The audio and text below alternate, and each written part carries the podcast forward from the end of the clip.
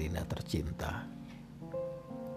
Bersama surat ini kukirimkan padamu sepotong senja. Dengan angin, debur ombak, matahari terbenam, dan cahaya keemasan. Apakah kamu menerimanya dalam keadaan lengkap? Seperti setiap senja di setiap pantai, tentu ada juga burung-burung, pasir yang basah, siluet batu karang, dan barangkali juga perahu lewat di jauhan. Maaf, aku tidak sempat menelitinya satu persatu. Mestinya ada juga lokan, batu yang berwarna-warni, dan bias cahaya cemerlang yang berkeretap pada buih yang bagaikan impian selalu saja membuat aku mengangankan segala hal yang paling mungkin kulakukan bersamamu. Meski aku tahu, semua itu akan tetap tinggal sebagai kemungkinan yang entah kapan menjadi kenyataan. Kukirimkan sepotong senja ini untukmu Alina dalam amplop yang tertutup rapat dari jauh karena aku ingin memberikan sesuatu yang lebih dari sekedar kata-kata. Sudah terlalu banyak kata di dunia ini, Alina, dan kata-kata ternyata tidak mengubah apa-apa. Aku tidak akan menambah kata-kata yang sudah tak terhitung jumlahnya dalam sejarah kebudayaan manusia, Alina. Untuk apa? Kata-kata tidak ada gunanya dan selalu sia-sia. Lagi pula, siapakah yang masih sudi mendengarnya? Di dunia ini, semua orang sibuk berkata-kata tanpa peduli apakah ada orang lain yang mendengarnya. Bahkan mereka juga tidak peduli dengan kata-katanya sendiri. Sebuah dunia yang sudah kelebihan kata-kata tanpa makna. Kata-kata sudah luber dan tidak dibutuhkan lagi. Setiap kata bisa diganti artinya. Setiap arti bisa diubah maknanya. Itulah dunia kita, Alina. Kukirimkan sepotong senja untukmu, Alina.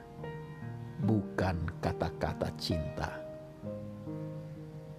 Kukirimkan padamu sepotong senja yang lembut dengan langit kemerah-merahan yang nyata dan betul-betul ada dalam keadaan yang sama seperti ketika aku mengambilnya saat matahari hampir tenggelam ke balik cakrawala. Halina yang manis, Halina yang sendu. Akan kuceritakan padamu bagaimana aku mendapatkan senja itu untukmu.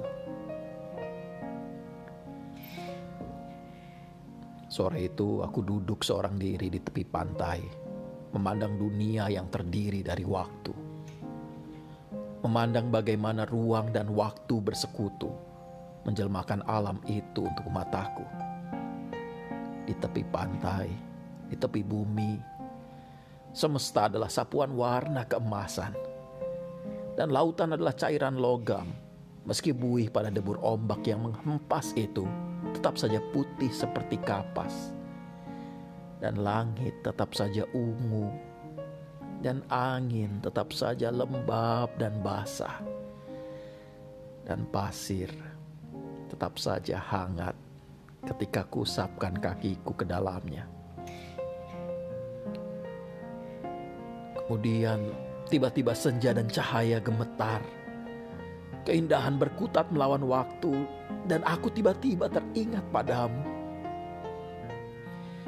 Barangkali senja ini bagus untukmu pikirku. Maka ku potong senja itu sebelum terlambat. Ku kerat pada empat sisi, lantas ku masukkan ke dalam saku. Dengan begitu keindahan itu bisa abadi dan aku bisa memberikannya kepadamu. Setelah itu, aku berjalan pulang dengan perasaan senang. Aku tahu kamu akan menyukainya, karena kamu tahu itulah senja yang selalu kamu bayangkan untuk kita.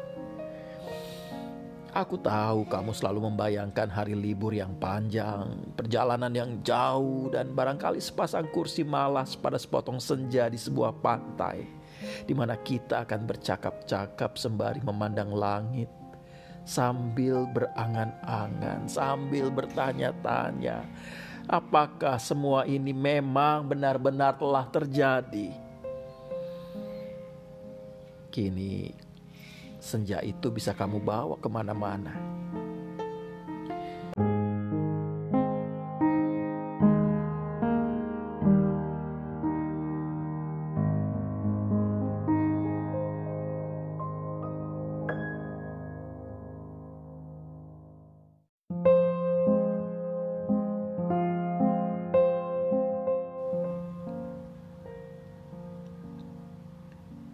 Ketika aku meninggalkan pantai itu, kulihat orang-orang datang berbondong-bondong.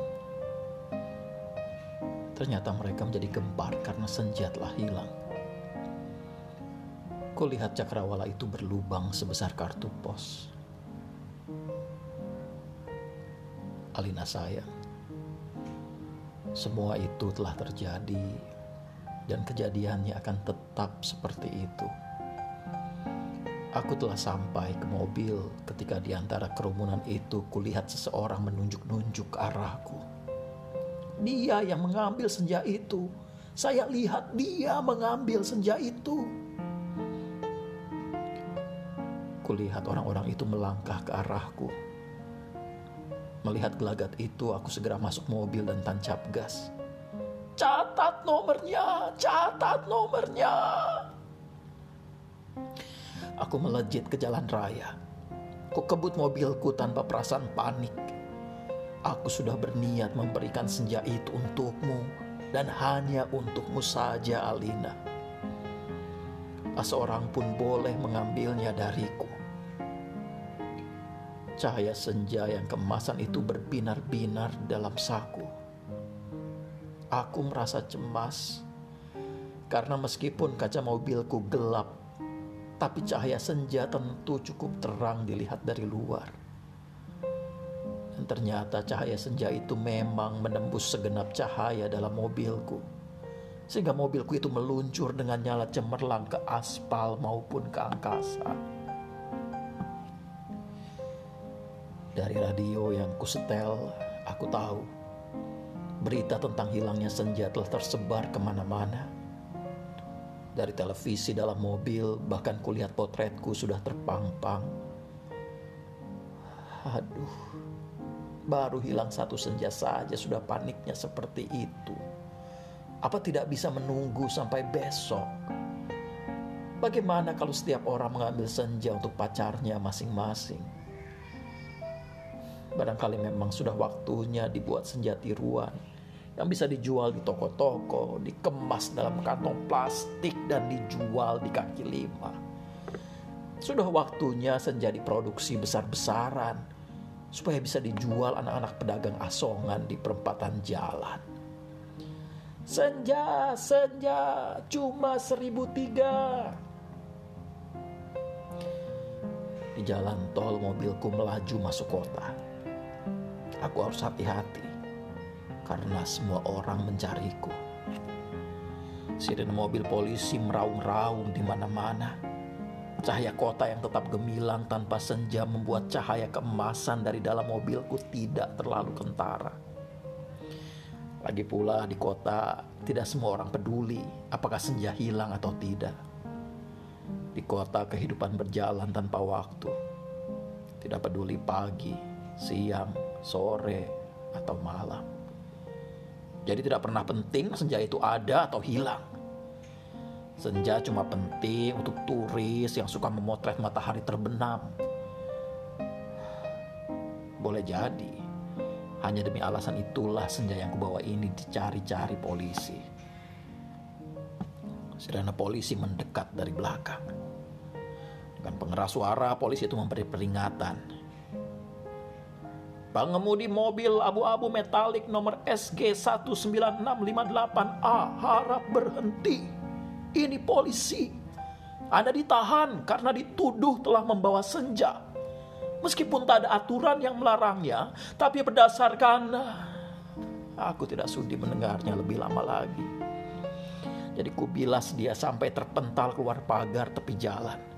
Kutancap gas dan menyelip-nyelip dengan lincah di jalanan. Dalam waktu singkat kota sudah penuh raungan sirene polisi. Terjadi kejar-kejaran yang seru. Tapi aku lebih tahu seluk-beluk kota, jalanan dengan cahaya yang bermain warna, ganggang gelap yang tak pernah tercatat dalam buku alamat. Lorong-lorong rahasia yang hanya diperuntukkan bagi orang-orang di bawah tanah. Satu mobil terlempar di jalan layang. Satu mobil lain tersesat di sebuah kampung. Dan satu mobil lagi terguling-guling menabrak truk dan meledak lantas terbakar. Masih ada dua polisi bersepeda motor mengejarku. Ini soal kecil. Mereka tak pernah bisa mendahuluiku. Dan setelah kejar-kejaran beberapa lama, mereka kehabisan bensin dan pengendaranya cuma bisa memaki-maki. Kau lihat senja dalam satu saku bajuku. Masih utuh. Angin berdesir. Langit semburat ungu. Debur ombak mengempas ke pantai. Hanya padamulah senja ini kuserahkan Alina.